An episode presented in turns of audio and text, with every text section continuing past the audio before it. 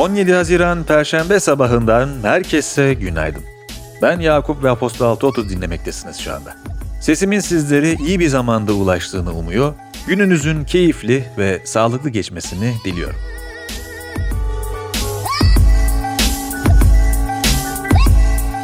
Şu anda dinlediğiniz bülten Inventram'ın destekleriyle ulaşıyor. Yeni nesil yüksek teknoloji yatırım şirketi olan Inventram, geleceğin teknolojilerine olan inancıyla teknoloji ve inovasyon odaklı girişimlere yatırım yapıyor ve bu girişimleri büyüterek global pazarlara taşıyor. Ayrıntılar bültende. Piyasalar ve ekonomi.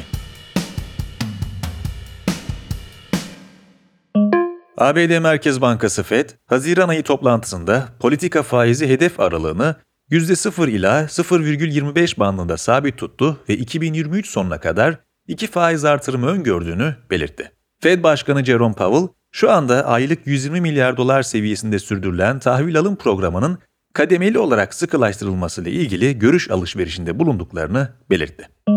Çin, üretici fiyatlarının son 13 yılın zirvesine gelmesinin ardından ulusal stoklardan endüstriyel metal satışı yapmaya başlayacağını duyurdu. İlgili devlet kurumundan yapılan açıklamada, satışların yakında başlayacağı ve emtia fiyatlarıyla arzında istikrarı korumak için partiler halinde yapılacağı belirtildi. İş Dünyası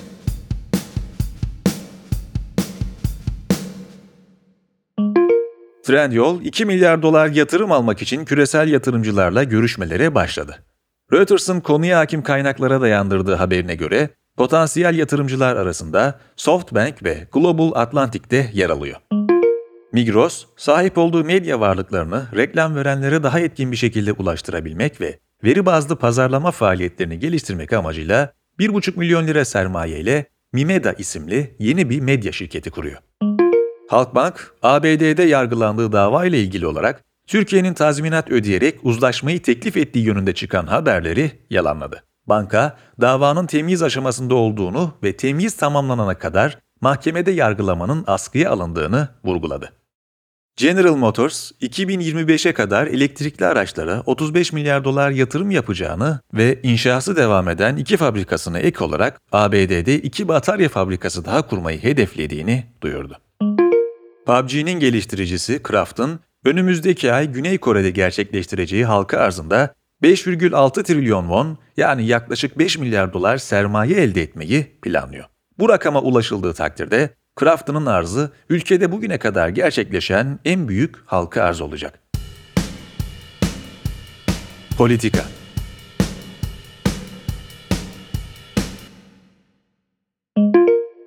Anayasa Mahkemesi, Cumhurbaşkanlığı İletişim Başkanlığı'nın kamu kurum ve kuruluşlarından vatandaşlarla ilgili gerekli gördüğü tüm bilgilere ulaşma yetkisine onay verdi. CHP'nin anayasaya aykırılık gerekçesiyle yaptığı iptal başvurusu 5'e karşı 10 oyla reddedildi.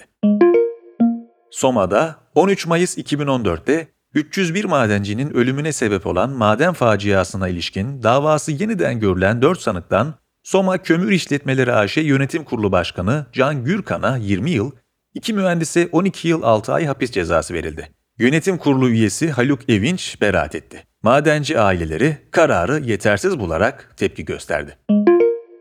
İstanbul Sözleşmesi'nden çıkılmasını protesto etmek amacıyla 1 Temmuz'da İstanbul'da gerçekleştirilecek miting için Ankara'da duyuru ve katılım çağrısı yapan Ankara Kadın Platformu üyelerine polis müdahale etti. İçişleri Bakanı Süleyman Soylu, TBMM Başkanı Mustafa Şentop'u ziyaret etti. NTV, Soylu'nun daha önce kendisine Sedat Peker'den ayda 10 bin dolar alan siyasetçinin kim olduğunu yazılı olarak soran Şentop'a ismi söylediğini iddia etti. İstanbul Büyükşehir Belediye Başkanı Ekrem İmamoğlu, İstanbul metrosunda internet hizmeti verilmesine yönelik çalışmanın Belediye Meclis Komisyonu'ndan onay aldığını duyurdu. Saadet Partisi Genel Başkanı Temel Karamollaoğlu, Yüksek İstişare Kurulu Başkanı Oğuzhan Asıltürk'ün partiye yönelik eleştirilerinin Asıltürk'ü bağlayacağını, parti meselelerini kamuoyunun önünde konuşmayacağını ve kendisiyle görüşeceğini söyledi. Asil Türk, partinin iktidarı eleştirmekle yetindiğini ve manevi değerleri savunan özünü kaybettiğini söylemiş, partinin kuruluş değerlerine dönmesi için kongre çağrısı yapmıştı. Asil Türk'ün daha önce Cumhurbaşkanı Erdoğan'la görüşmesi, partinin Cumhur İttifakı'na katılması ihtimalini gündeme getirmişti. Yargıtay, balyoz davasında beraat eden sanıklardan emekli orgeneral Çetin Doğan dahil 7 kişi hakkındaki beraat kararını bozdu. İran'da Cuma günü yapılacak Cumhurbaşkanlığı seçimi öncesinde reformist aday Muhsin Mehralizade ile muhafazakar aday Ali Rıza Zakani adaylıktan çekildi. Zakani, kazanmasına kesin gözüyle bakılan yargı erki başkanı İbrahim Reis'inin lehine yarıştan ayrıldı. Teknoloji ve Startup Amazon, kendi COVID-19 test kitini satmaya başladı. İlk olarak şirket çalışanlarının kullanması için üretilen kitler 40 dolardan genel satışa sunuldu.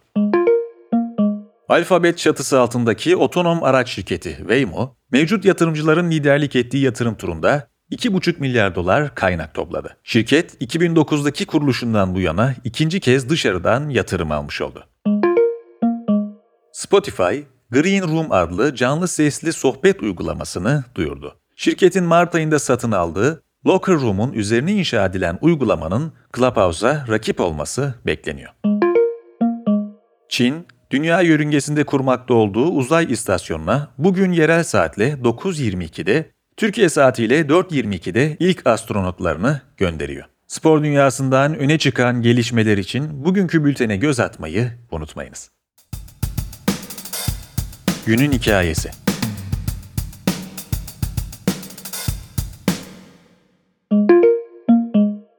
ABD Başkanı Joe Biden ve Rusya Devlet Başkanı Vladimir Putin Cenevre'de bir araya geldi. Ronald Reagan ve Mikhail Gorbaçov arasındaki tarihi zirveden 36 yıl sonra gerçekleşen görüşme yaklaşık 4 saat sürdü. Biden göreve geldikten sonra Putin'i katil olarak nitelemiş, Rusya'yı ABD seçimlerine müdahale etmekle ve ülke kurumlarına yönelik siber saldırı emirleri vermekle suçlamıştı. Putin ise yılbaşındaki kongre baskınını örnek göstererek ABD'nin demokrasi konusunda kimseye ders verecek durumda olmadığını belirtmişti.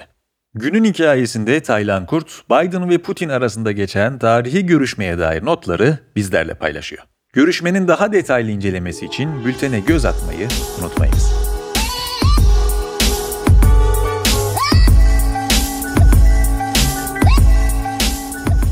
Bugünlük de benden bu kadar. Mikrofonun başında ben Deniz Yakup, gelişmeleri dilim döndüğünce sizlerle paylaşmaya çalıştım. Yarın da mikrofonda ben olacağım. O vakte kadar kendinize iyi bakın. Görüşmek üzere, sevgiler.